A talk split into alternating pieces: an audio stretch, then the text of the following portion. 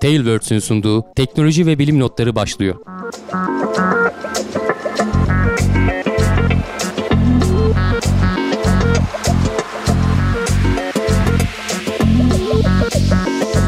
Teknoloji ve bilim notlarına hoş geldiniz. Ben Hamdi Kellecioğlu yanımda Can Akbulut'la beraber sizlere bugün dilimiz döndüğünce yine bilimsel haberleri anlatmaya çalışacağız. Evet. Aktarmaya çalışacağız. Açılışı ben yapsaydım böyle başlardım can. diyorsun her zaman başka türlü açayım diyorum. Ee, kısmet bugüneymiş. Ee, rutinimiz sizi sıkmasın. Ara ara e, böyle güncellemeler olduğu zaman bir şeyler anlatıyoruz ama onun ötesinde her hafta başında e, her hafta salı akşamı biz çekimimizi yapıyoruz. Devamında da plus olanlara hemen olmayanlara bir gün e, Evet, rötarla şey geliyor. Ee, var mı duyurumuz? Ee, duyuru yok ama hani güzel bir haberle başlıyoruz. Dün akşam işte canlı yayında hani izleyenler olmuştur mutlaka bizim izleyicilerimiz arasından da. Ee, NASA'nın Insight işte geçen hafta söylemiştik zaten hani pazartesi akşamı bir sorun çıkmazsa başarılı olursa Mars'a inecek demiştik. Ee, yani hakikaten kusursuz bir iniş oldu. Ee, bütün aşamalarıyla tam öngörüldüğü bir şekilde NASA çok iyi bir iş başardı. Ki hani zor bir şey aslında NASA'nın e, bu alanda şeyi iyi, istatistikleri iyi. %80 mi ne başarı oranları var. E, ama hani diğer devletleri falan işin içine kattığın zaman bu başarı oranları %50'lere 40'lara iniyor. Ya da sonda aslında hiç yoktu. Bize güzel bir Hollywood prodüksiyonu Heh, izlet. tabii onu diyenler de var. O ayrı. Bütün dünyayı yutturabiliyorlarsa da ne güzel bir Bak prodüksiyon. işte böyle iyi yutturamadıkları var. Öyle evet, Neyse. Sivri zekalılar çıkıyor mutlaka ben yemem diye. Almamız gereken bir not var mı? Bu inişten hani çıkarılacak dersler veya yeni ufuk açan bir e, paylaşım henüz yapılmadı herhalde ama Ya zaten daha Araç- yeni şimdi Tabii. araç indi. indiğinin haberini alıyorsun sen. bir Ee, post fotoğraf bir tane basit galiba. bir fotoğraf çekildi. Onda da işte toz koruma kapağı falan kapalıydı zaten. Hı hı. Şey diyenler oldu ya ne kadar ne biçim resim çekmiş falan diyenler oldu Bu ama muydu? e, o tozun inmesini bekliyorlar. Çünkü o sen roketleri ateşleyerek yere iniyorsun. Bir süre bekliyorlar tozun inmesini. Yaklaşık 16 dakika sonra falan zaten mesela üzerindeki o güneş panellerini açtı falan ki hani toz onun üstüne çökmesin. Güneş panellerinden Tabii. %100 yararlanabilelim diye. Şimdi işte 1-2 gün e, etrafın resmini çekecekler. E, bir robot kol var. Şunun da üzerinde Curiosity var bizim önümüzde. Hmm. 3 boyutlu yazıcımız olsaydı bir Insight'ta basardık can. Ee, şunun üzerinde bir tane kamerası var işte şurada bak kol var. Bu onunki gibi Insight'ın üzerinde de bir kamera var. O işte dik konuma gelecek ve etrafı çekmeye başlayacak. İlk gönderilen resim aracın üzerindeki roketlerin o hemen pane- panelin altındaki yani nereye indiğimizi görelim e, fotoğrafıydı. Eyvallah. Onda da zaten hani böyle ne olduğu anlaşılmıyor. O toz zerreciklerini çıkarırsan ufku görebiliyorsun. Tamam. Gökyüzüyle yeryüzünün ayrıştığını ve bayağı da düz bir yere indiğini görebiliyorsun. Anlaması gerekenler mesajı çıkartmışlar. O robot kol yatık konumdayken e, çekilmiş bir fotoğraf daha var bu arada. Onun da önünde toz koruması var ama o kadar mesela kirlenmemiş. Onlar e, artık hani tamamen toz yere indikten sonra hatta belki açılmıştır şu anda. O korumalar açılıyor ve kameralar daha düzgün resim almaya başlıyorlar. Bu e, Insight'ın farkı şu. Normalde hani bu roverlar falan indiği zaman e, hemen işte ya yürüyecekse yürüyemeye başlayabiliyor veya bu Insight sabit bir şey. E, sabit bir araç. Üzerinde taşıdığı şeyleri etrafa indirecek. Bir tane sismograf var mesela işte. Görev tamamen Mars'ın iç yapısıyla ilgili. Daha önce bunu konuşmuştuk. Evet. E, yüzeyle falan çok fazla uğraşmayacak. E, çok ciddi bir işte 5 metre derinliğe kadar e, kazı yapacak. E, bir sonda sokacak o şeyin Mars'ın içerisine ki hani dünya dışında en derin kazdığımız yer olacak e, güneş sisteminde. İnşallah petrol bulunmaz. E, işte bir sismo, sismograf aleti var. Onu yere indiriyor. e, şey yapıyor. Petrol bulunursa geçmişte yaşam olduğunu anlarız. Çok önemli bir buluş olur. Gelecekte de yaşam olur diyorsun. Olur kesin olur gider oraya. Senin deyiminle demokrasi götürülür hemen oraya. Ee, sismograf e, en ufak çok hassas bir şey. Daha önceden de gönderilen şeyler olmuş bu e, sarsıntı ölçen aletler olmuş ama onlar araçların üstünde oldukları için en fazla rüzgarın rüzgar, sarsıntısını tabii. falan ölçebilmişler. Bu doğrudan yere temas halinde olacak ve onun üzerine bir kapak geliyor böyle hem atmosferin olay etkilerinden kurtulmak için hem de işte çeşitli toz moz vesaire almasın falan diye bayağı böyle bir koruma kapağı geliyor üzerine. Bunların hepsini alet şey yapıyor. Robot koluyla üzerinden alıp yere indirecek. Üzerinden alıp yere indirecek. Nereye ineceğine falan karar vermeleri için 2-3 aylık falan bir süreçten sonra hani bu hemen işte indik 2 ay 2 saat sonra başlayalım demiyorsun. Oturup bakıyorsun çünkü o dedim ya 5 metreye kadar kazacak çok küçük bir çekiç gibi kendi kendine Hmm. giden bir alet. Taşa falan denk gelmemesi lazım yoksa Tabii. bu kadar emek boşa gider. e, ona muhtemelen hani yüzeyden anlayabildikleri kadarıyla e, en iyi yere, en düzgün konuma onu yerleştirmeye çalışacaklar. Bir taraftan da işte hani nispeten bakıldığı zaman e, anlamlı bulgu elde edebilme ihtimalini arttırmak için de hani jeolojik olarak bir gözlemlemişlerdir uydu Tabii fotoğraflarından. tabii zaten ineceği yere Kof. yıllarca çalışılıyor, Kumu da karar kazdırıp veriliyor. tabii. Geçen hafta konuşmuştuk galiba. Çok e, enlemi falan bile mesela bu doğrudan güneş ışığından yararlanacağı için çok Tabii. kuzeylere gönderemiyorsun. Doğru. Ekvatora nispeten yakın yerlere göndermen gerekiyor. Sabit kalacağı için ineceği yeri falan böyle çok taş toprak olmaması yani büyük kayaların olmaması gerekiyor. Onların falan hepsi seçilerek bir yer belirlendi. Oraya indi. E, şey zor Can. E, bununla bu arada daha önce de konuşmuştuk. İlk gezegenler arası küp uydular da bunun peşinden gidiyordu hatırlarsan. Evet evet. Fırlatıldıktan bir süre sonra Bahaneli serbest bırakılmışlardı. Bunun inişi esnasındaki verileri dünyaya göndereceklerdi. Hı hı. İki uydu da çok düzgün bir şekilde işini yaptı. Biz neredeyse anlık atmosferdeki yaşanan her türlü şeyi e, fark edebilmiş olduk. Yani ta- takip edebilmiş olduk. Tabii ki hani 8 dakika gecikmeyle e, oradan bilgi ancak o kadar hızlı ulaşıyor o kadar bize. anlık oluyor diyorsun. O kadar anlık Daha oluyor. Yani. En olabilecek anlığı o. Onlar çalışmasaydı bile alet kendi kendine inecek şekilde tasarlanmıştı zaten. Düşün bak buradan gönderiyorsun milyonlarca kilometre gidiyor 6-7 ay boyunca Hı hı. uzay boşluğunda.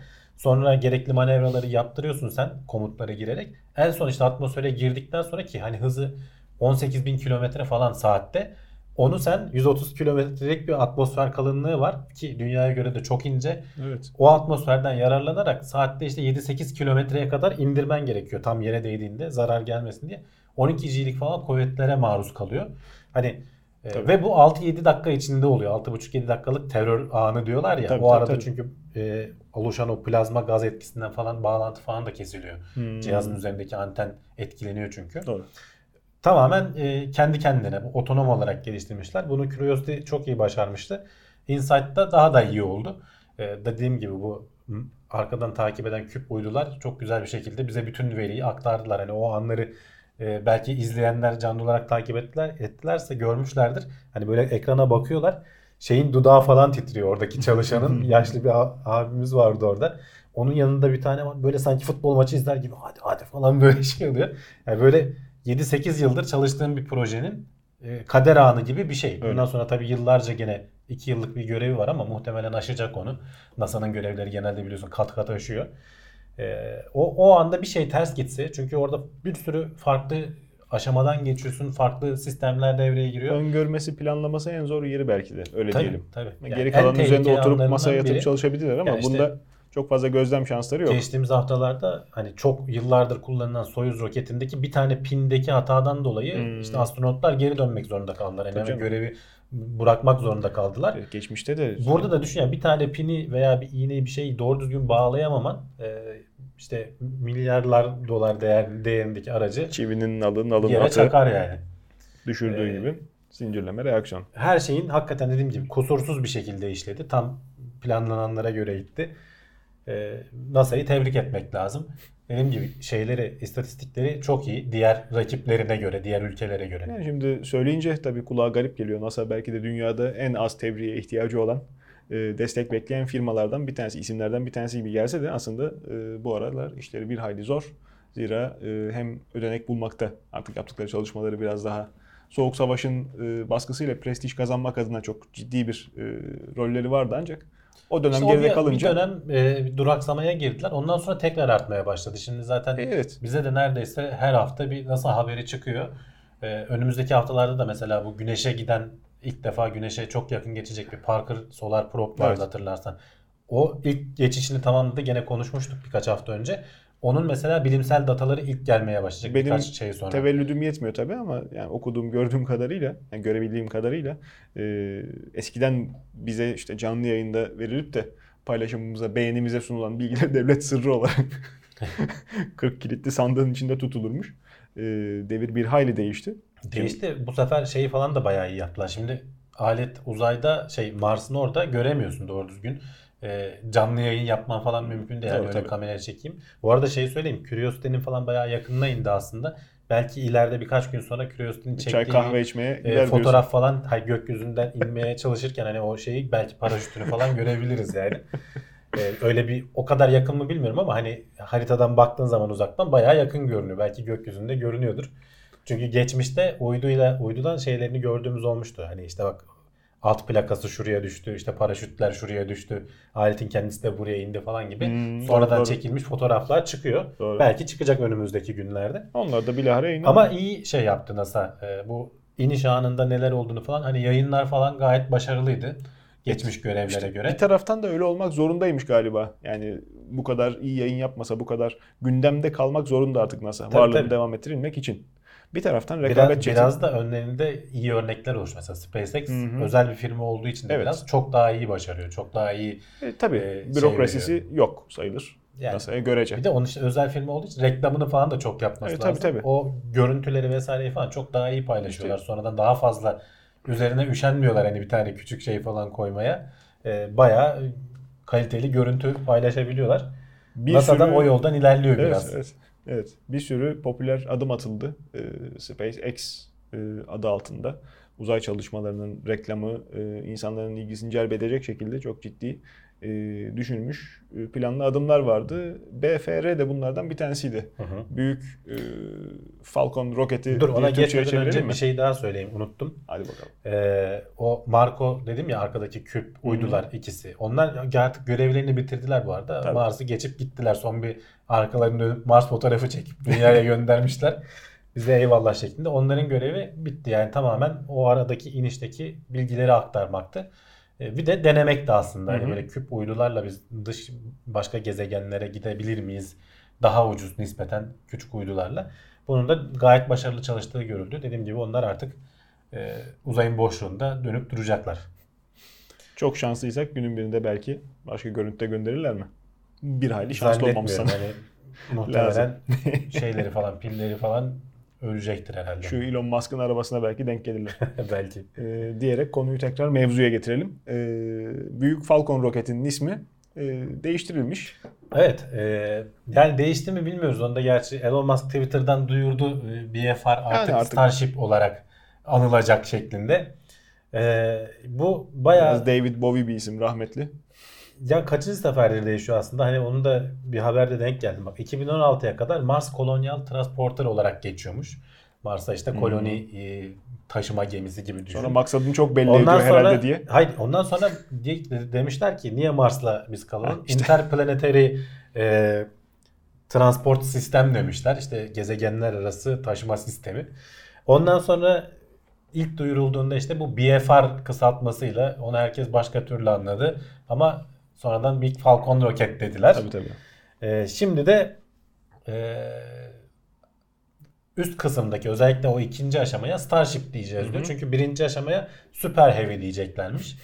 E, Falcon Heavy var biliyorsun. Onun daha da büyüğü zaten. O dünyadan kalkması için gereken büyük aşama. E, Starship o üst kısım ikinci aşama Mars'a kendi kendine inip kalkabiliyor zaten. Hani iki, birin dünyanın dünyaya göre çekimi çok daha az olduğu için Mars'ın üçte biri civarında Ya da şöyle söyleyelim. yakın bir Dünya gibi yer çekimi az olan gezegenlerin üzerinden kalkabiliyor. tabii. Yani dünya- Mars şimdi önceki hedefimiz ama yarın bir gün başka yere gönderirsek Tabii tabii yani zaten boyutla alakalı. Küçük olduğun zaman kütle çekiminde yani e, azalmış oluyor. Tabii. Genel olarak kabaca böyle söyleyebiliriz. E, tamamen hani demirden oluşuyorsan tabii falan ayrı konu Elon da. Musk'ın espri yeteneğine e, uygun olarak Şey- Uranüs'e giderlerse orada da şey yer çekiminin fazlalığından dolayı kalkamayacağını öngörebiliriz. Geçtiğimiz haftalarda şeyi duyurmuştuk. Ee, gene Twitter'dan duyurmuştu. Falcon Heavy'nin şey Falcon 9'un birinci aşama ikinci aşamasının üzerinde ufak değişiklikler yaparak bu BFR'a benzeteceklerdi. Tekrar atmosfere giriş testlerini falan yapmak için denmişti bu. Ondan vazgeçildiği söylendi. Daha duyuruldu. 10 gün sonra vazgeçildi. Ee, biraz böyle hani duyurular aceleye mi geliyor paldır küldür Twitter'dan Şimdiye biraz kadar- böyle Trump vari bir şekilde abi duyurulup sonra vazgeçiliyor falan. bakıldığında aslında bunun ilginç bir farkı var. Yani gözlemleyebildiğim kadarıyla bunun ilginç bir farkı var. Ee, bugüne kadar olan e, yapılan bütün uzay araçlarının projelerinin hepsinin e, bir şeyi vardı. Müşterisi hazırdı. Bir ihtiyaca yönelik olarak. Bu kendi ihtiyacını da oluşturan bir adım gibi geliyor Evet sanki. aslında Yani bakınca bilim kurgu olarak aslında e, başlamış da yavaş yavaş gerçekleşiyor gibi duran belki de en içlerindeki e, proje. Ya Diğerlerinin tabii ki hepsi hani- işte uzay mekiği eskidi. Bunun yerine makul çözüm bulmak lazım. Şimdi şeyi Gör- söyleyelim. şeye çıkarmak lazım. Yörüngeye BFR çıkartmak lazım veya işte falan. Starship dediğimiz sadece Mars'a gitmek. Biz hep o ön Tabii plana canım. çıkıyor ama aslında E pek çok başka Mars. kullanım alanı var. 50 sene önce olsa aydı. Ne bileyim. Yani o zaman da gene Mars'ta o, o kadar işte. şey değildi. Şimdi e, hem Ay'a gitmek işte biliyorsun hani Ay'ın etrafında hatta bir aday da belirlendi. Bir tur atıp geri gelecek falan. Hı. E, bu tarz işlerde falan hep kullanılabilir. İşte hatta bir yerlere gitmeyi bırak dünya üzerinde işte hızlı Tokyo'dan işte New York'a veya ne bileyim Londra'dan New York'a hızlı gidiş için e, kullanılabilecek atmosferin dışına çıkıp hemen geri inecek. Bir, çünkü dikey inebiliyor biliyorsun. Evet doğru. Böyle bir sistem demosu da yaptılar. Tabii ne kadar gerçekçi olabilir mi olmaz mı tartışılıyor hala ama aslında dediğin gibi biraz kendi kendine ihtiyacı da ortaya oluşturacak ve işte şey yapacak bir ürün gibi. Az evvel söyledik ya reklam gücü ne bu işte. Gerçek reklam gücü bu. Hı hı. Yani bu şekilde pazarlayabilse NASA'da çok daha farklı belki yerde olurdu e, konumlandırması itibariyle. Ama bir yandan işte sıradaki haber bununla alakalı. Evet Müşterileri olan projeler de var. öyle. Crew Dragon kapsül denemesi Ocak ayının başında yapılacakmış. Ocak başında. Dedik ya geçtiğimiz haftalarda. Soyuz, Soyuz'da sorun yaşanınca e, NASA'nın bir an için eli ayağına dolaştı. Çünkü dünyadan ISS'e astronot taşıyabilecek başka bir sistem yok şu anda. E, bir yandan astronot tabii var orada. uluslararası ilişkiler falan da Tabii. bir yandan sıkıştırıyor. Tabii. Rusya'ya bağımlı kalmak istemiyorlar. O yüzden hem Boeing'e hem SpaceX'e yıllar önce bu görev verildi. Astronotları taşıyacak bir sistem ta- tasarlayın diye. Kargo taşımacılığı yapılıyor. Ee, Dragon kapsülleri şu anda onu başarılı bir şekilde yapıyor. Ee, SpaceX'in. İşte bir de yolcu taşıyacak, astronot taşıyacak kapsüllerin de tasarımı devam ediyor uzun zamandır. Artık test aşamalarına kadar geldiler. Ee, Ocak ayının 7'si diye tarih verildi ama bunun değişme ihtimali var. Ocak ayının başları e, olduğu söyleniyor. İlk e, deneme yapılacak. Tabii ki bu insansız olacak. E, bir fırlatma gerçekleştirilecek. ISS'e kadar gidecek mi veya hangi yörüngeye çıkacak, ne kadar yükselecek onu bilmiyorum ama ayrıntılarını e, hatırlayamadım şimdi ama zaten önümüzde daha günler var. Yaklaştıkça daha bir netleşir. Ondan sonra arada bir fırlatma iptal testini gerçekleştirecekler. Biliyorsun rokette herhangi bir sorun olduğu zaman bu Crew Dragon kendini fırlatıp ayırabiliyor. Evet. Astronotları kurtarmak için patlama vesaire falan karşı. Onu bir test edecekler. Ee, bir de yaz aylarına doğru bu sefer ikinci eğer her şey düzen düzgün giderse ve onay alınabilirse e, ikinci testte insanlı testi yapacaklar. E, ISS'e ulaşır mı gene onu da bilmiyorum ayrıntılarını. Ama oralara kadar var. Çünkü bir yandan da NASA'nın güvenlik e, uzmanları oluşturduğu bir panel var. Uzmanlardan oluşan. Onların bazı ciddi şeyleri var. Soru işaretleri var. E, özellikle mesela Crew Dragon'un paraşüt sisteminin daha tamam anlamıyla tamamlanmadığı söyleniyor. Boeing'de biraz daha fazla yapılacak şey var. Onlar biraz daha geriden geliyorlar. Zaten ilk denemeyi de onlar Evet. Mart ayında mı ne yapacaklardı? Ee, insansız denemesini. SpaceX'in birkaç Hı ay gerisindeler. Ama sonuçta ikisi de işte NASA'nın e, desteğiyle bunu geliştirme yolunda ilerliyorlar adım adım. Evet ama bu geliş- Ocak ayında göreceğiz yani. geliştirme olmazsa. işi anladığım kadarıyla o kadar da e, her şey yolunda gitmiyor. Bir taraftan e, bilmiyorum. Teslim tarihleriyle mi alakalı sıkıntılar yaşanıyor yoksa başka dertleri mi var? Yok. Ee, Ee, NASA SpaceX ile Boeing'in mercek altına aldı diye bir haber var. İkinci Evet. sıradaki haber. Sen ondan bahsediyorsun herhalde. Ee, mercek altına alması şu firmanın şimdi artık insanlı şimdiye kadar hani kargolu falan görevler tamam sorunsuz bir şekilde yapılıyor ama insanlı görev gönderme dediğin zaman NASA'nın e, NASA'da akan sular duruyor. Yani astronot kaybetmemek onlar için çok önemli. Ee, sadece firmaların belli kıstasları yerine getirmelerini istemiyorlar. Firmaların e, belli hani firma kültürü açısından da belli şartları yerine getirmelerini istiyorlar. Bu son zamanlarda biliyorsun Elon Musk Twitter'da veya işte e, magazin dünyasında fazla gündeme gelebildi işte abuk subuk olaylarla. E, ne bileyim bir yer bir programa katılıyor işte marihuana içiyor falan bir fırt veriyorlar çekiyor falan. Yani biraz da abartılarak ortaya o gündeme geliyor çünkü orada legal yani o Dünyanın eyalette. da böyle bir dönemden geçtiğini herhalde söylesek yanlış gözlemlemiş olmayız ya. Yani e, her köşesinde farklı bir popüler lider, farklı bir popüler idol. Evet yani Etrafında işte insanların hiç ilgisini çekiyor. alışmadığımız şeyler. işte- Kanaat önderi mi diyelim, nasıl diyelim bilmiyorum. Yani, devlet yo, başkanlarına devlet başkanı Twitter'dan garip garip Ha, duyurular üstlendiği yapabiliyor. rol de yani. bu. Ya, Başka tabii. devlet başkanlarına E canım yani azar kayabiliyor falan. Tabii yani. ama işte bu söylemler işte gün geçtikçe daha sert, daha insan egosunu okşayan e, grubu bir araya toplamacı bakış işte kendini e, böyle göstermiş oldu. E, Ama işte bazı şeyler de şakaya gelmez Can. Mesela e, Elon Musk hani SpaceX özelinde değil de işte Tesla tarafında e, çıktı ben şirketi özelle şey kapatacağım dedi. hı. E, borsadan çekeceğim dedi. E, ondan sonra hani nerede kaynağın hazır mı falan filan vesaire sorulunca işte şu kadar paradan alacağım satın alacağım hisseleri dedi. Sonra alamayacağı ortaya çıkınca işte bizim SPK'nın bir versiyonu Amerika'da sen küçük yatırımcıyı korumak adına ne yapıyorsun dediler. Bir ceza kestiler. Hatta işte Tesla'nın yöneticiliğini Dönem bırakmak dönem zorunda kaldı.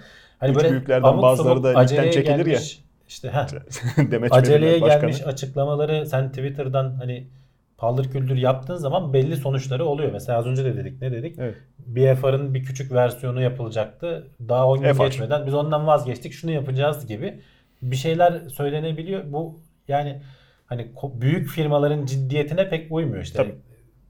Özel firmaysan hani belki böyle gündeme gelmek açısından sana kimse bir şey diyemez Bak, de. büyük firma ciddiyeti NASA'ya iş yapıyorsan NASA diyor Tabii. ki kardeşim sen senin firma kültürün nedir? Hani biz bir görelim.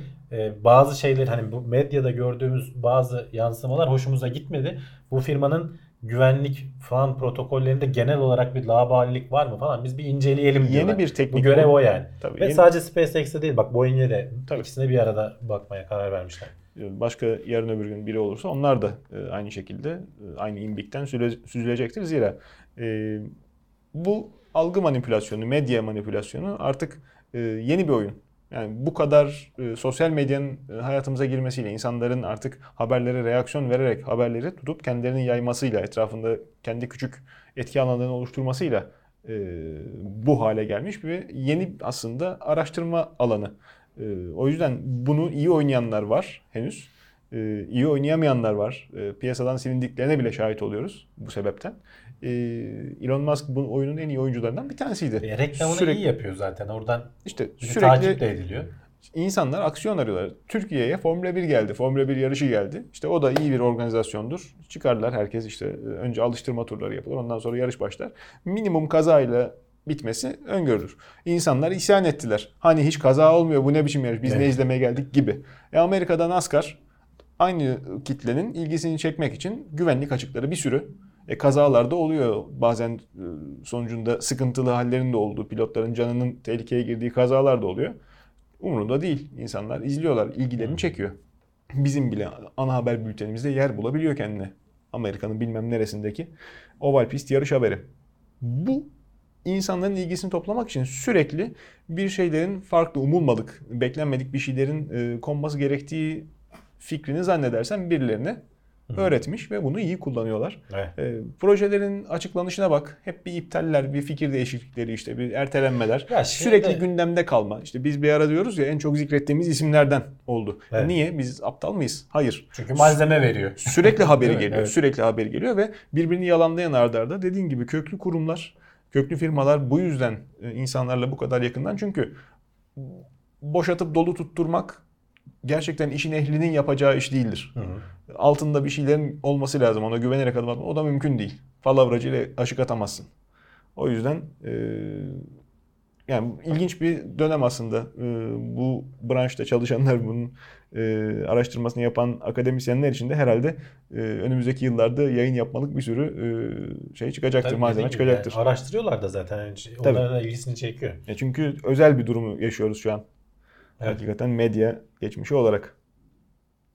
Sıradaki haberimiz bir model uçak haberi.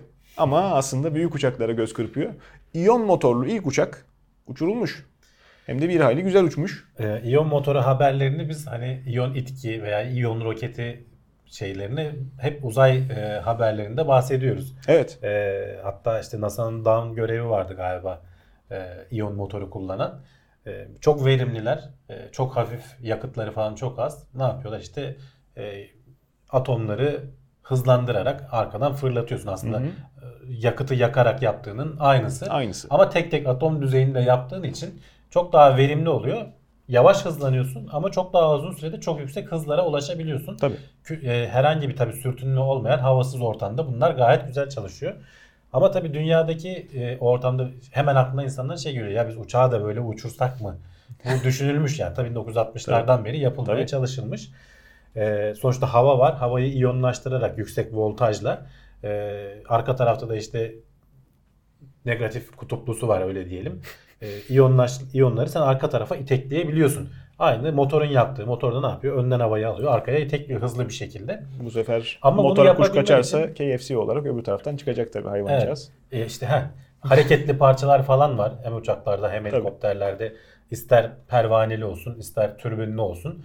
E, burada e, iyon motorunda hareketli parça yok. Son derece sessiz. Evet. E, ama etkisi de çok az. E, şu an en azından ortaya çıkan versiyonları öyle diyelim. Ama şu ana kadar hiç uçurulamayan ilk defa işte uç- uçaklar ilk defa model uçak seviyesinde senin de dediğin gibi e, daha hani Wright kardeşleri düşünürsen hani onların yaptığı uçaklara benzeyen böyle son derece uyduruk böyle garip garip şekillerde. Model uçakları hakir görme. Model uçak gerçekten daha rahat uçar. O yüzden herhalde seviyesi diyorsun. Yani motoru yerleştirdikten sonra motor prensibi itibariyle kompaktını yapabiliyorsan normal uçağa uçurmaktan daha kolay materyal dayanımı için. şey dedim ben hafif çok hafif. Tabii, evet. Şimdi sen 200 tonluk bir şeyle atıyorum şimdi Hmm. ağırlığını bilmiyorum Evet. da bununki 250 gram falan. Zaten Tabii. çok hafif bir şey. İtki o kadarına yetiyor. Uçurdun dediğin de zaten böyle 50-60 metre falan gidebilmiş. Hayat Hı. havada süzülmüş. Tabii. Hep çakılan şey ekrana görüntüleri girer zaten biz Tabii. konuşurken.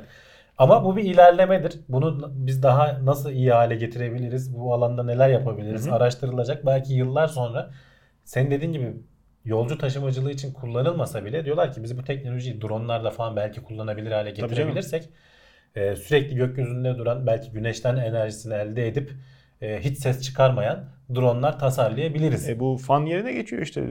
Evet. Bilgisayar soğutmasında se- sessizlik için millet e, yüzlerce dolar dökmeye hazır bekliyor. E, Benzer teknolojiler e, binaların soğutma sisteminde de kullanılıyor. Fan bakımı, fan ciddi pahalı bir parça. Bunun yerine geçecek sistem neden olmasın? Düzgün yapılabilirse. Ötesinde de e, yani işte pervanenin içerisine yabancı madde girmesi diyelim. Yabancı madde girerek e, uçağın uçuşunu sekteye uğratması, motorun devamlılığını bozması çok ciddi bir güvenlik açığı. E, Bunda da tabii bazı güvenlik açıkları var. Şimdi Evet, o havayı yani- iyonlaştırabilmen için mesela 20 bin volt elektrik gerilimine ihtiyacın var. Hı hı. E, hani onların da işte sağa sola atlama falan yapmamasını sağlaman lazım bir şekilde. Evet. E, hani bilmiyorum işte sonuçta hala bilimsel araştırma aşamasında olan çok daha yeni e, alfa seviyesinde olan bir şey. Hı hı. E, bu arada az önce 250 gram dedim. 2,5 kiloymuş. O kadar hafif değilmiş. Gene 2,5 kilo. onu uçurabildiyse Şimdi iyi. O noktada espri şudur. Yani normal uçakla uçmasında aslında aynı prensip var. Yani Rolls Royce motoru da işte 12.000 beygir veriyor uçak motoru. E, koy hadi bakalım e, 100 kiloluk uçağı uçur. Hı. Motorun kendi ağırlığını taşıması lazım öncelikle. Uçağın geri kalanında onu uçurması lazım. O yüzden e, prensipte çalışan sistemi o küçük boyda yapmak da marifet. Tabii tabii. Büyükte yaptığın zaman da bu sefer materyal dayanımı işin içine giriyor. Büyük uçak şeyden daha kolay uçar. Model uçaktan daha kolay uçar. Hı hı. Yani yap, yapmayı başarırsan, gövdesini yapmayı başarırsan küçük türbülanslar bozuyor. Bunu rüzgar çok Hmm. daha e, sıkıntılı. Ya onlar zaten daha açık havada değil. Laboratuvarda- Spor salonunda Ha. test ediyorlar öyle Tabii. düşün. Yani o alanda Denemişler. zaten bir videosu var. Belki ekrana o da girer. Ee, bir yandan uçağa koymuşlar. Bir, yan- bir yandan birileri basket oynuyor orada sahada falan yani. Evet, en berbat modelcilik şeylerinden bir tanesidir basket topu. Korkularından bir tanesidir. Çar- çarpıp Yani şakacının bir tane yok. Atarlar özellikle model arabaya şeye falan. Neyse. bu sefer MIT çocukları hiç olmazsa yapmamışlar öyle. Evet. Ee, yavaş uçan bir uçak 4.8 metre bölü saniye Hı. E tabii. e, demişler. Yani Çünkü o şey kadar olarak- oluşturabiliyor zaten işte. e, itkiden istifade eden kanat yüzeyi. Yani daha hızlı uçanı da yaparlar da işte baya baya demek ki hakikaten çok az şey yapabiliyor. Burada anladığım kadarıyla belimizi büken hala daha pil.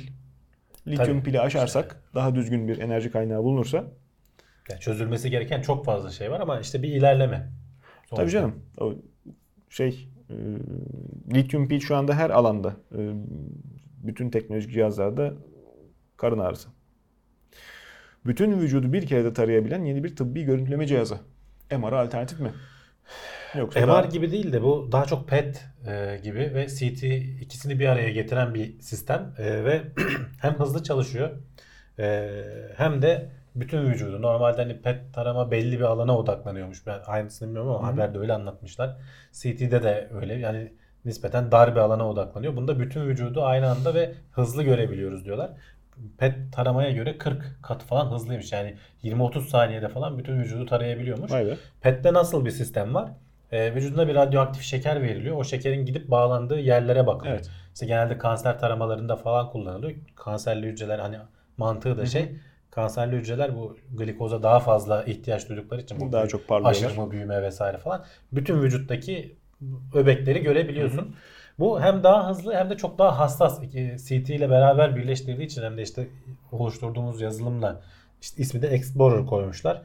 Ee, adamın yaptığı analoji şey e, Hubble uzay teleskobu diyor uzay konusunda nasıl bizim gözümüzü açtıysa diyor. Bu da diyor kendi vücudumuz konusunda o kadar ayrıntıya inebileceğiz diyor. Canına. Ekrana görüntüleri de girecektir. Anlık olarak hakikaten e, mesela bacak damarından bir işte glukoz verilmiş e, şeyde ilaç veriliyor işte o aletin şey yapabileceği. Bütün vücuda gidip dağıldığını görebiliyorsun nasıl böyle bir hani görüntüleme şeyimizi o kadar arttıracak ki diyor adam. Hmm. Ve hazır işte 15 milyon dolar falan bir zaten şey almışlar, bütçe almışlar. O bütçenin sonunda sundukları ürün olarak bu ortaya çıkan bir şey. Tabii. Ee, bilmiyorum hani gerçek anlamda ticari hale ne zaman gelir Ee, belki de gelmiştir haberde ondan ayrıntısından bahsetmemiş ama e, kendi vücudumuzu da ha şey olarak da ayrı güzel bir şey. Ee, 20-30 saniye yani 40 kat daha hızlı taradığın için 40 kat daha az radyasyona maruz kalmış oluyorsun. Doğru. Bir yandan da o avantajı var. Ee, çünkü doktorlar bir yandan düşünüyorlar sana bunu ard arda yaptırırlarken ne kadar doz aldın çünkü sonuçta bir radyasyona maruz kalıyorsun. Onun bir yıllık veya işte şeylik aylık günlük değerleri var alabileceğin maksimum Söz konusu dozu. kimse zaten kanser şüphesiyle yatkınlıkla tedavi arıyorsa Bunu minimuma indirmek büyük avantaj. Ee, bu yeni geliştirilen işte görüntüleme aygıtı da bunu çok iyi yaptığını söylüyor. evet. Sıradaki haberimiz ise yine bilimsel açıdan bir e, milat diyebilir miyiz? Tabii gerçekse. Gerçekse evet. Genleri değiştiren ilk bebeklerin doğduğu iddia ediliyor. Yer tabii ki Çin. Niye iddia ediliyor? Hepsi birbirine benziyor diye mi Çinlilerin? Ya bir. Çinli bilim adamı bu bayağı alt üst etti iki, birkaç gündür. evet. Ee, Çinli bir bilim adamı çıktı dedi ki ben CRISPR tekniğiyle genetiğini değiştirip işte e, HIV e, bulaşmayacak şekilde genetiği değiştirmiş iki bebeği, kız bebeği dünyaya getirdim. Sağlıklı bir şekilde şu anda yaşıyorlar. İsimlerini açıklamıyor anne babanın ve çocukların tabi gizlilik nedeniyle. E, istemediler diyor açıklanmasını.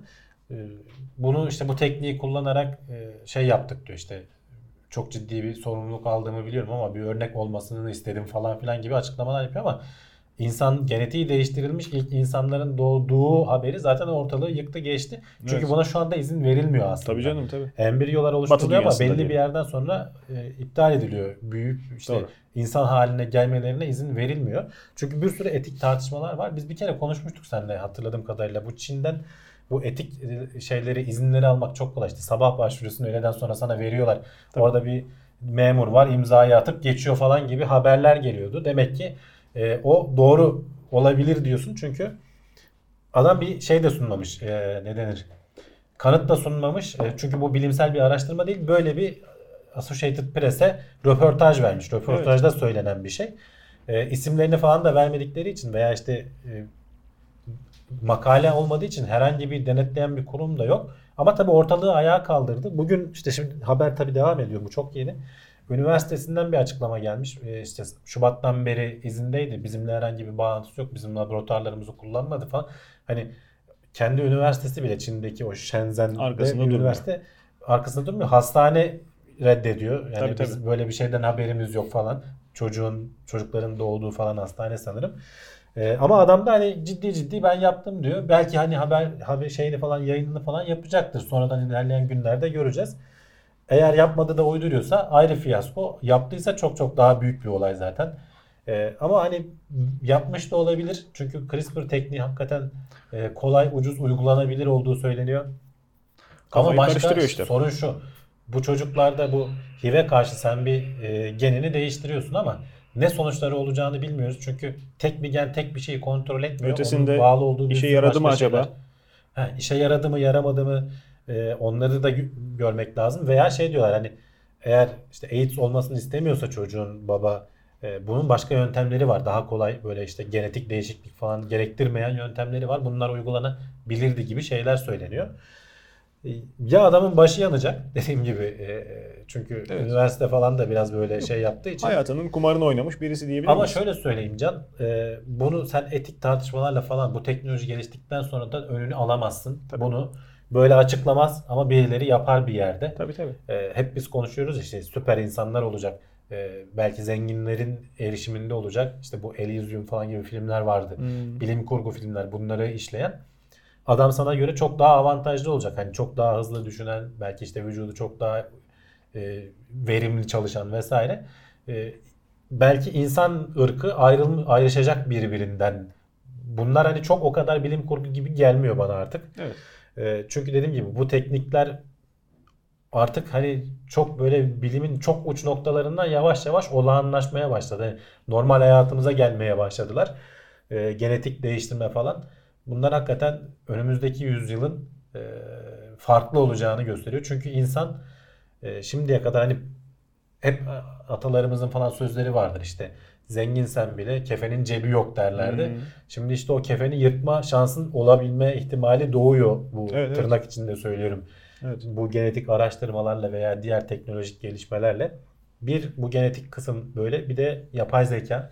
Birileri eğer çok daha hızlı düşünen, geliştirilen, bir şeyleri hızlı yapan bir zeka geliştirirse bunun ciddi sonuçları olacaktır. Çünkü patlama şeklinde ilerleme kaydedeceklerdir. O yüzden herkes birbirini kolluyor.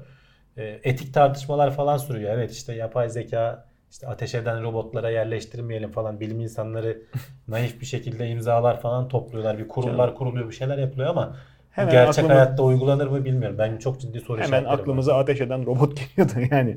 E, yapay zekaya o emanet. ilk şey, o Tabii. ilk akla gelen. Çünkü hani bu işte. dronlarda falan Biliyorum. kullanılma ihtimali var ya. uçururken de buna bomba bağlasan çok fantastik olur. Onlarca farklı kişiden çok farklı birbiriyle alakası olmayan insanlardan E, tabii. duydum ben bunu. İlk yani. akla İlk gelen akla gelen hemen bomba bağlamak hareketli bir şey görünce. Şimdi e, finans sistemi efendime söyleyeyim yani haberleşme ağı internetimiz yapay zekayı zaten buralara soktuk. Bunlar e, Tabii. kurşun atan tabancadan çok daha ölümcül, çok daha ciddi tehditler. Yani gelip de ona kimse martaval okumasın yok. Öyle mi yapacağız, böyle mi yapacağız O diye. insanların aklında en kolay böyle şimşeğin çakmasına neden olduğu Hayır. için o örnekler. Şimşeği veriliyor. orada çaktırıyorlar da burada zaten e, havai fişek gösterisi sürüyor. E senin hayır bütün senin bir kere sonuçta bütün bilgilerin artık sosyal ağlarda falan kendimiz veriyoruz. E oradan Şimdi e, sosyal ağlarda bizim bıraktığımız iz, sosyal ağı boş ver. Bütün şeyler sosyal kişisel bilgileri veriyoruz. Bir de şimdi şeyler çıktı ya bu DNA'nızı Evet, şey evet. yapalım sizin işte aile ağacınızı çıkaralım Yok, falan. el Sen falı- severek gönderiyorsun oraya DNA. el falı, avuç izini gönderiyorsun. Yok parmak okuyucu, parmağını tanıtıyorsun, gözünü gösteriyorsun, yüzünün karakterisini okutuyorsun. Şimdi bunlar nab- nabız saati takıyorsun. Ne O kadar şeyin var. evet. Tansiyon uygulaması indiriyorsun. Kağıda Ha, bir yandan işe de yarıyorlar işin kötüsü. Kağıda kalemle yazmak yerine tansiyon geçmişini Tabii. bilgisayara yüklüyorsun. Bunların hepsi e, bizim elle verdiğimiz birbiriyle alakası olmadığı müddetçe veya birinin oturup da toplamadığı, e, toplamaya vakit harcamadığı müddetçe hiçbir önemi Harcıyorlar ama olmayan, işte sorun orada. hiçbir e, önemi olmayan küçük küçük ödünler. Yapay zeka çok hızlandığında Hamdi Kellecioğlu'nun küçüklüğünden işte e, yetişkin veya ihtiyar adam olana kadar ne zaman olursa artık e, internet üzerinde bıraktığı kredi kartı harcamasından gezindiği site izni her şeyini kullandığı cihazların geçmişinden istifadeyle bulabilme imkanı olacak. O büyük sıkıntı. Senin profilin şu anda oluşturulamıyor. Teoride mümkün ama çok zor. E, Baya baya hummalı çalışma gerektiriyor. Bunu yapacak insan sayısından daha çok insan yaşıyor dünya üzerinde. Yapay zeka bunu öncelikle e, oluşturması açısından tehdit ve bunun ötesinde de insanların işte bu verilerinin şantaj malzemesi olması. İlla hemen aklımıza Şantaja gerek yok Can. Öyle bir senin zaten zayıf noktalarını biliyor ki. Canım hani ateşi silah diyorsun basıyor ya. zaten. Tabii yani. tabii eyvallah. Şantaja hiç ihtiyaç bile kalmıyor. Seni Eyvallah. oraya yönlendiriyor. Ee, Yani- seni senden iyi tanır hale geliyor bu E işte. sistemler. İşte bunun bir benzeri de genetik için geçerli. Hani bu adamın bu açıklamaları dediğim gibi birkaç gündür ortalığı birbirine kattı. Süper Ee, insan diyorsun. Bilmiyorum ya. CRISPR bildiğim kadarıyla yani yetişkin vücudunda çok da yer bulabilen bir şey değil. Organ nakli mi? Hayır, o hayır canım yani sen genetiği oynamaya başladığın zaman bu teknolojinin ilerlediğini düşün. Şimdi bu daha başlangıcı. İlerlerse Ee, diyorsun. bu adam diyor ki sadece ben HIV bulaşmasına karşı bir geni kapattım. Genetik diyor. kopyalamanın fantazisi, çok özür dilerim. Genetik kopyalamanın fantazisi ilk işte popüler olduğu zamanlarda sonra bıçak gibi kesildi gerçek. Hı hı. Hollywood da bir ara çok üzerine eğildi 90'ların Evet. sonuna doğru falan. Sonra e, artık ciddiye binince bu konuda çok da fantazi Ya işte üretmiyor bu insanlar. işin şakası olmadığı için zaten o yüzden hani bilim insanları veya Cyborgların işte suyu şey çıkmıştı. yapanlar, bu etik kurulları falan filan çok Tabii. fazla o yüzden gündeme getiriyorlar. Bu iş çok o yüzden ciddiye alınıyor. Embriyoların yaşaması falan o yüzden izin veriliyor. Henüz izlemeyen varsa aflarına sığınarak söylemiş olayım. Hitman mesela bir dönemin popüler Hmm. bilgisayar oyunuydu. Senaryosu da çok özgün e, bulunmuştu. Zamanında ilgi çekmişti. E, Hitman sinemaya uyarlanırken bu işlemler değiştiği için genetik e, çalışma, genetik deney ma- mahsulü değil, e, bayağı yetimhaneden yetiştirilen e, küçük çocuk olarak senaryoyu güncellediler. Evet. Yani benim gördüğüm en açık sansürlerden bir tanesi. Böyle ya o bilinçli mi yapıldı bilmiyorum. çalışma. Orada kim bilir ne düşünüyorlar artık. ya yani. popülaritesi geçti diye bakıyorlar, bilinçli yapıyorlar ya da gerçekten e, dediğin gibi bunların Biraz da daha ayakları yere değsin falan diye yapıyor olabilirler. bilmiyorum. Bilim bilmiyorum. kurguya girmesin diye yapıyor Ya, olabilirler. olayın kendisi bilim kurgu, saçmalık. E, ki- ensesinde barkod olup e, kel olan kimsenin tanımadığı adam. Neyse. E, asıl bu genetik değiştirme, genetik kopyalama, koyun Dolly'nin ilk çıktığı zaman e, oluşan sansasyon acaba işte zenginler bir yerlerde e, kendi genetiklerine uygun insan yetiştirip oradan işte 10 senede mi artık ne kadar organ nakledilecek olgunluğa erişirse Hmm. ondan acaba söküp yedek parça olarak istifade Yani mi o da edecekler tabii bilim kurgunun deniyordu. konusu. Şimdi işte bunun bir sonraki boyutu acaba o şekilde daha iyi böbrek, daha e, iyi gören göz veya ne bileyim e, çok daha hızlı sindiren mide, Daha iyi düşünen beyin. Veya Yani sindirmeyen- en önemlisi o. sindirme, beyin nakli belki zor da. Hayır nakli değil de sonuçta genetik olmayanlara olarak çocuğu takalım öyle diyorsun. yaparsın yani. Kendi çocuğunu o hale getirirsin kendine değil mi? Bilmiyorum.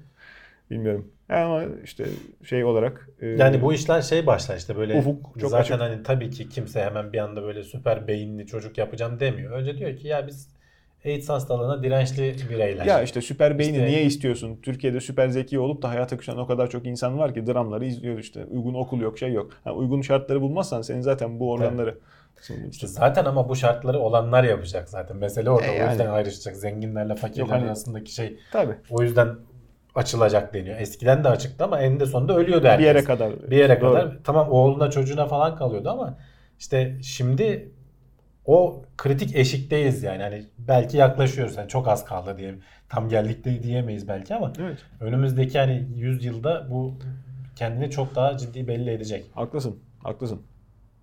Sıradaki haberimiz yine DNA e, üzerindeki çalışmalardan geliyor. Mitokondriyal DNA. Mitokondri de zaten çok ilginç bir e, ne diyelim mahluk mu diyelim, organel mi diyelim. Organel. işte Hücre Ama- içinde. evet. hücreye dışarıdan girdiği de söylenebilen bir e, Ya o arkadaş. evrimsel açıdan e, iki farklı şeyken E hücrenin işte. içine girmiş. Çünkü her organelin kendine ait DNA'sı yok. Bu eskiden ayrı bir bakteriyken bir arada yaşamaya başladıkları bir Bunun e, da teori var bu şekilde. mitokondriyal DNA'nın anneden geçtiği biliniyormuş.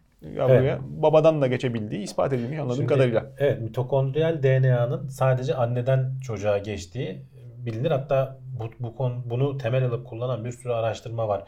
E, mitokondriyal Havva'ya kadar biz ulaştık diyenler var. Mesela işte insanların şeyi takip Hmm. ediliyor genetik e, şeyleri mitokondriyal DNA'sındaki farklılıklar. En son işte atıyorum şimdi 16 bireye kadar indik falan gibi laflar vardı. Bu bu sayede çünkü anneden çocuğa geçiyor. Erkek veya kız fark etmiyor. Hep anneden çocuğa geçiyor.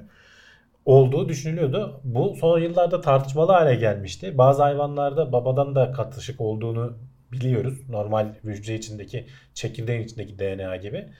Ee, Amerika'da bir hastanede bir çocuğun belli bir hastalığı var. İşte kas ağrıları, halsizlik falan gibi.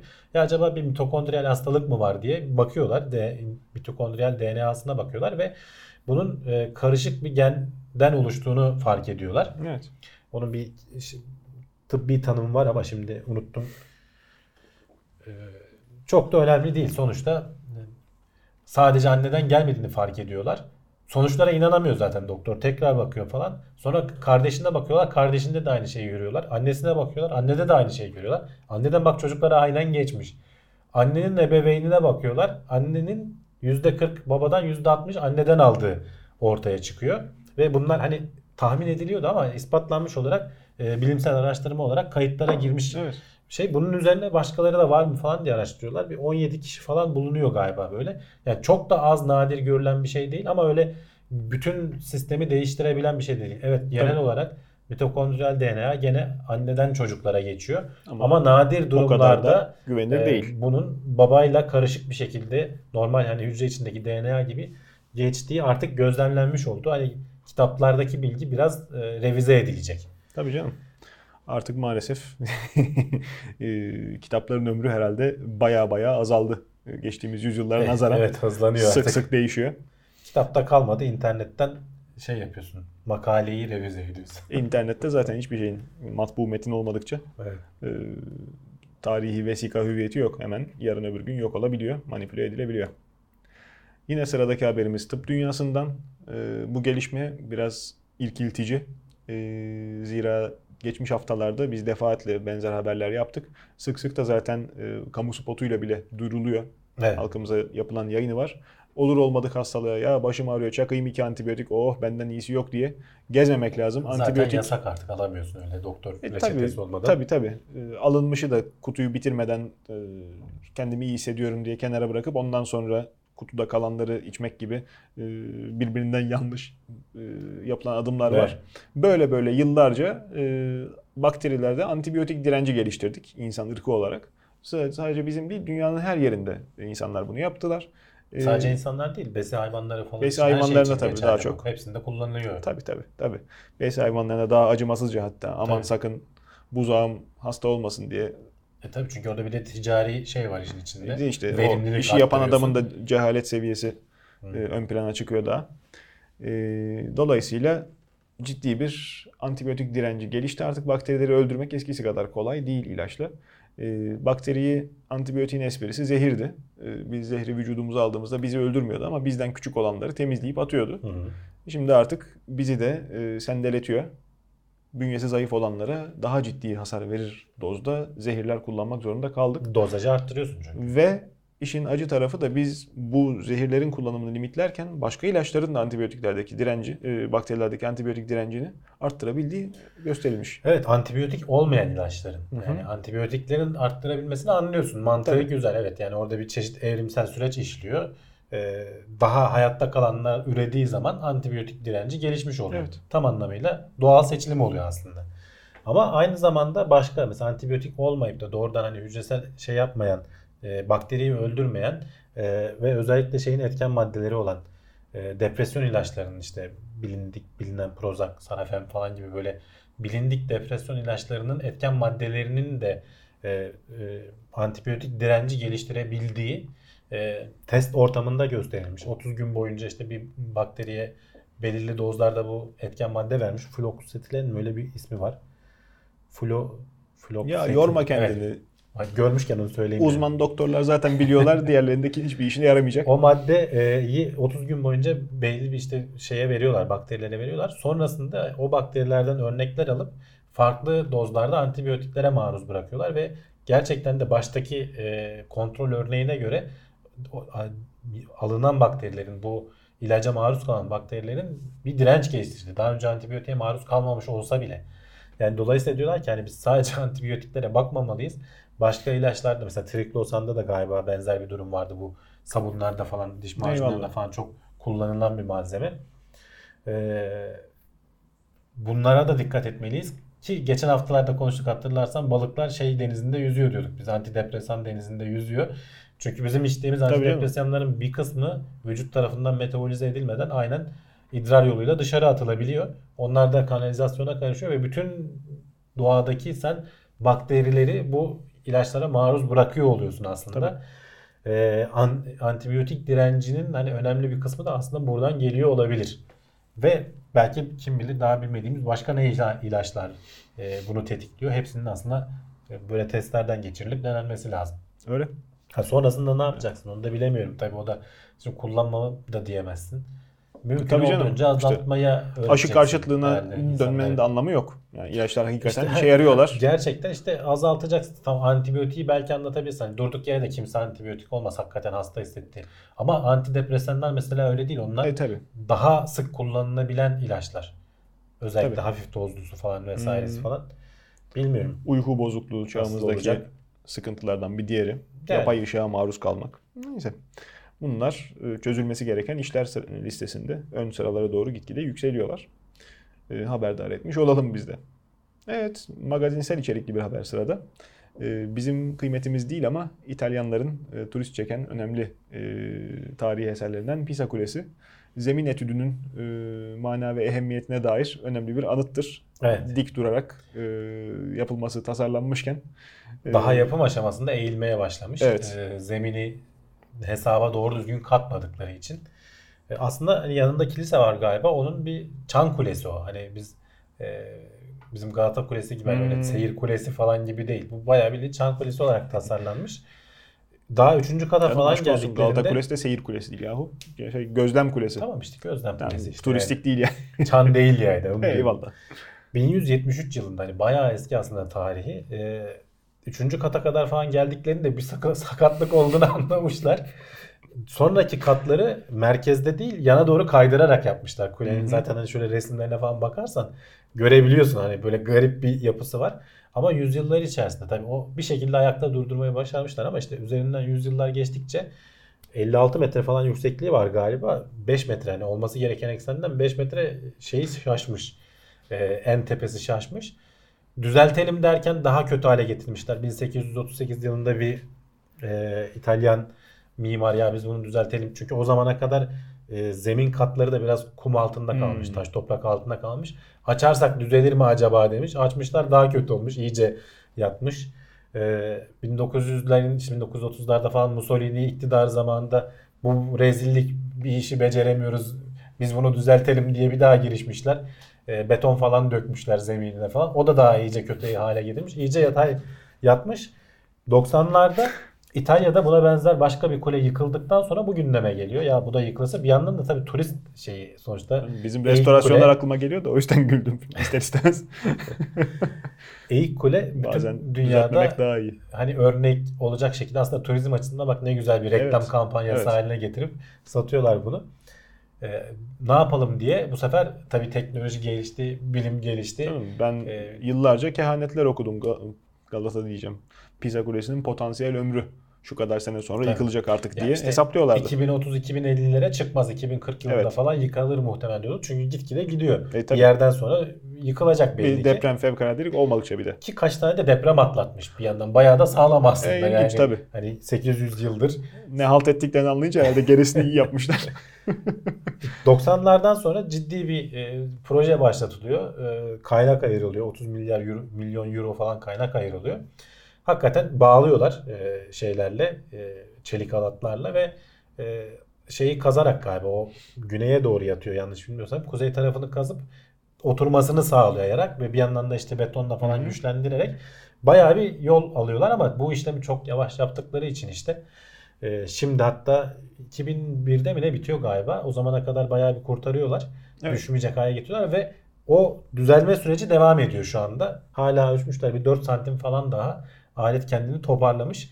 Artık riskli olmaktan çıktı diyorlar. Zaten o Hmm. halatlar falan da galiba şu anda yok. Yanlış bilmiyorsam.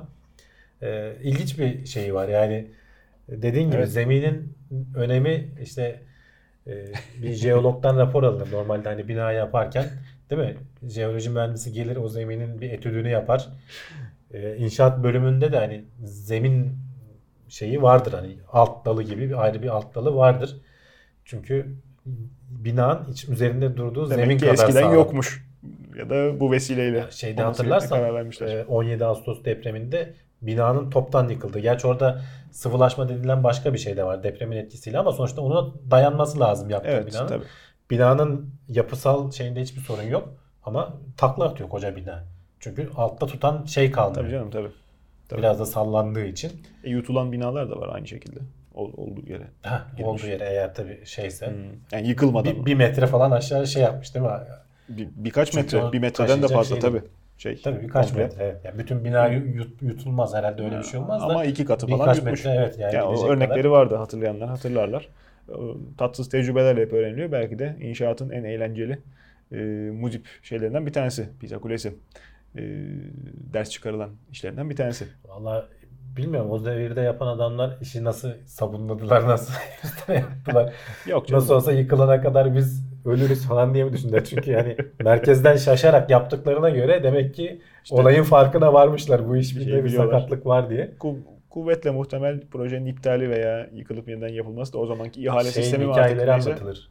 Ne kadar doğrudur bilmem ama Mimar Sinan'ın bu ya Selimiye ya Süleymaniye'yi Hmm. yaparken e, bölgeye bütün inşaat malzemesini yığdı Hmm. ve 6-7 yıl hiç dokunmadığı bahsedilir ki zemin yerleşsin. Hatta işte dedikodular yayılır. Padişaha işte sizi sallıyor Tabii. sultanım diye. E, O da çağırır anlattırır nedir mesele diye. İşte onun sayesinde bu kadar sağlam oldu falan gibi. Yanlış Bilmiyorum ne kadar hatırlamıyorsam ama böyle şeyler anlatılır. Selimiye ile alakalı tabii. Efsane de olabilir ama hikaye bizim de kulağımıza gelmiş. Ee, hala gelmeyen varsa onları da zehirleyelim. Ee, Selimiye hakkında diye biliyorum. Ee, yapılırken minareler bakmış biri demiş ki şey eğri.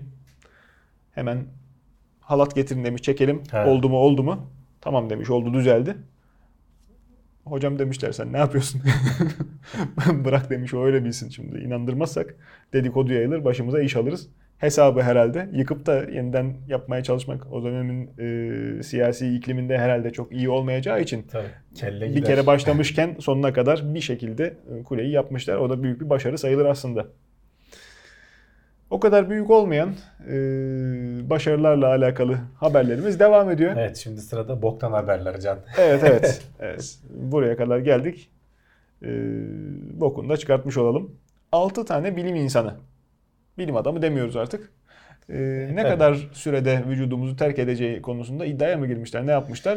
Lego yutarak bir Kendilerini e, deneyler yapmışlar. denek olarak kullanmışlar. Ee, şimdi Lego yutmak bayağı aslında çocuklar arasında yaygın bir şey. Gerçi büyüklerde de varmış. %80 diyor. 3 6 aylıktan 3 yaşına kadar çocuklar diyor %80 şey yapıyor. Her sene 100 bin kişi e, hastanelere başvuruyormuş. Tabii çünkü Lego Lego, parçası yutmaktan. parçası sıkışır. Lego parçasını açacak aparat da ayrı satılır. Heh, almazsın Onu- aparatı diyorsun. Ha, o aparatı da tabii dişiyle açarken çocuk yutar muhtemelen. Çocuk ondan değil ya canım. O 6 aydan 3 yaşına kadar zaten her şeyi yutma derdinde oluyor çocuklar. Ha, yoksa büyüğü de diyorsun ya Heh. büyük herhalde o yüzden yutuyor. Yoksa herhalde gripinde de vardı bir zaman. %20'lik kesim artık bilmiyorum. Her sabah bir 3'e 2 Lego yutmadan neşemi bulamıyorum. Neşemi diye. bulamıyorum.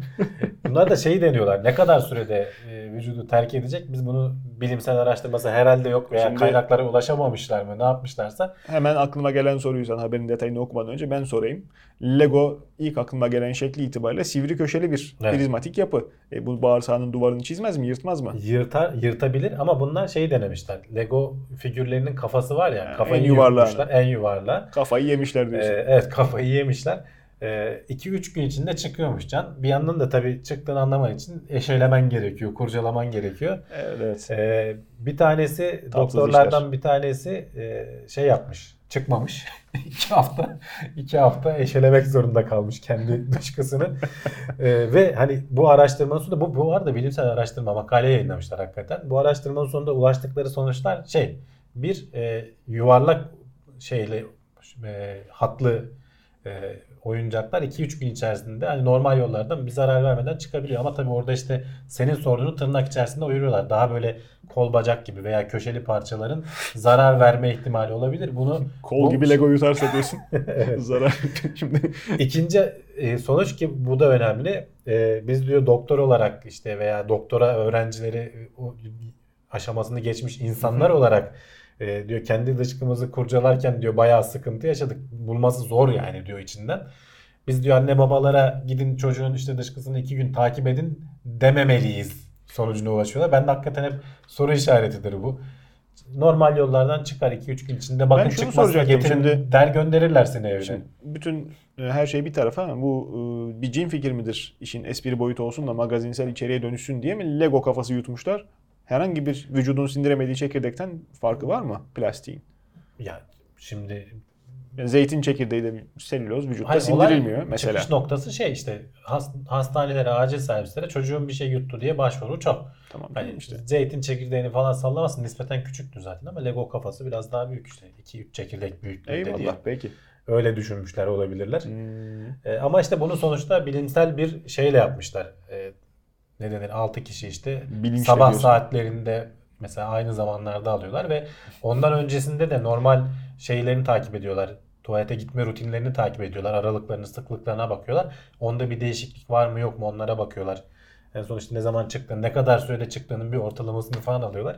Hani her konu bilimsel araştırmanın konusu olabilir. Hı hı. Fikrim boktan diye üzülmeyin. Üzülmeyin evet. Yeterli Mesela sıradaki haberde özeni aynı. gösterirseniz. Evet sıradaki haberimiz Wombat kakası. Wombat nedir? Ee, bir tür bizde olmayan mahluk. Ee, Avustralya'ya özgü yanlış bilmiyorsam bir hayvan. Avustralya mı civardaki takım adalarda falan da Oralarda da geziyor. olabilir. Oralarda da olabilir. O civar. Hint okyanusunun e, civarında. Wombat ismi de ve hani küçük bir hayvan da değil. Böyle 20-30 kiloluk 1 metreye falan Türkçe ulaşan. ismi yok tabii. Türkiye'de yok çünkü. Yok baktım diyeceksin? diye geçiyor aynen. Yani. W ile değil V ile yazıyoruz. evet evet. Ee, hayvanı e, neye benziyor? Koalanın yerde gezeni gibi desek e, çok mu ayıp ederiz? Sincap'ın büyüğü, koalanın yerde gezen sevimli bir hayvan. Zaten görüntüsü giriyordur biz konuşurken Benim ekrana. bilmediğim bir marifeti varmış Ee, yalnız. Evet. E, tuğla şeklinde kaka yapıyormuş. Evet dışkısını küp şeklinde yapıyormuş ve bilinen tek hayvan. E, hani yani. normalde bilirsin hani çünkü yapısı itibariyle ya silindir ya işte top şeklinde falan veya işte Ya şekilsiz olmasını kabus. beklersin. Evet yani. Ama bu hayvanın e, dışkıları küp şeklinde ve beni, birileri bunu araştırma ihtiyacı hissetmiş. Yani niye böyle oluyor diye. E, yolda araba Totosu kaza- küp şeklindeymiş. işte an- onu da anlatacağım. Hayvanları tabii açıp bakamıyorlar. Ee, yolda araba kazasında ölen e, hayvanlardan birkaç tanesine denk geliyorlar bir şekilde ulaşmayı başarıyorlar ve bağırsak yapısını inceliyorlar. Ee, küp şeklini artık son %8'lik kısımda bağırsağın tamamında değil de son %8'lik kısımda aldığını fark ediyorlar ve orada da işte sert ve işte yumuşak dokunun beraber çalışması sonucu e, ve e, o şekilde hani anüsten anüsü normal diğer hayvanlara benzediği halde o çıkış tam çıkış noktası şekil bozulmadan çıkabiliyor. Niye? Çünkü içindeki su miktarını özellikle kurak ortamda Doğru. yaşıyor. Çok fazla çekiyor. Bayağı sert oluyorlar bunlar. E, hayvanın dışkıları. Ve hatta e, şey falan da söyleniyor. Hayvanat bahçelerinde falan böyle rahat ortamda bol sulak yerde yaşayan hayvanların böyle küp şeklinde olmuyormuş Eyvallah. dışkıları.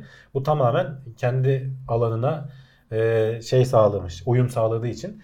Ama bak buradan mesela nasıl sonuca varıyorlar? Bunu araştıranlar böyle zoolog falan değil yani. Bayağı bildiğin e, mekanik mühendisleri falan araştırıyorlar. Biz üretim aşamasında küp şeklini vermek için iki yöntem var. Ya kalıba dökeceksin Doğru. ya da keserek küp şeklini Evet, vereceksin. evet. Bu hayvan ikisini de yapmadan bir kalıp da yok ortada hazır. Evet. E, kesme falan da yok ve hani bu enerjiyi de gerektiren bir şey. Bu nasıl böyle bir şey evrimleşmiş de bu noktaya gelmiş de hayvanın bağırsağını inceleyip oradan bir sonuç çıkarmaya çalışıyorlar. E, onun için diyorum her şey araştırma konusu Öyle. olabilir. Sen olaya nasıl yaklaştığın Tabii canım. e, ve oradan ne sonuçlar çıkarabildiğin önemli.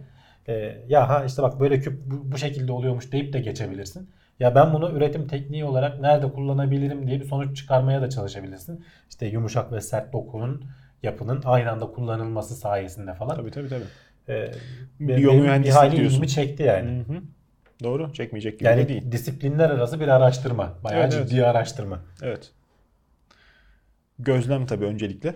Tabii. Etrafımızın farkında olmak, iyi bakmak. Ee, hiçbir fikir zayi edilmez yeterince e, üzerinde durursanız. Hepsinin yeri vardır.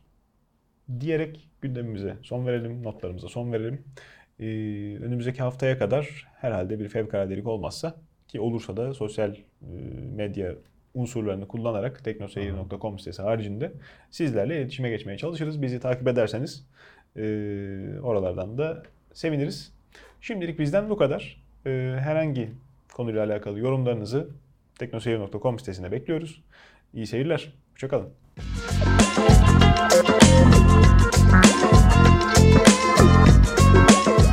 Tailwords teknoloji ve bilim notlarını sundu.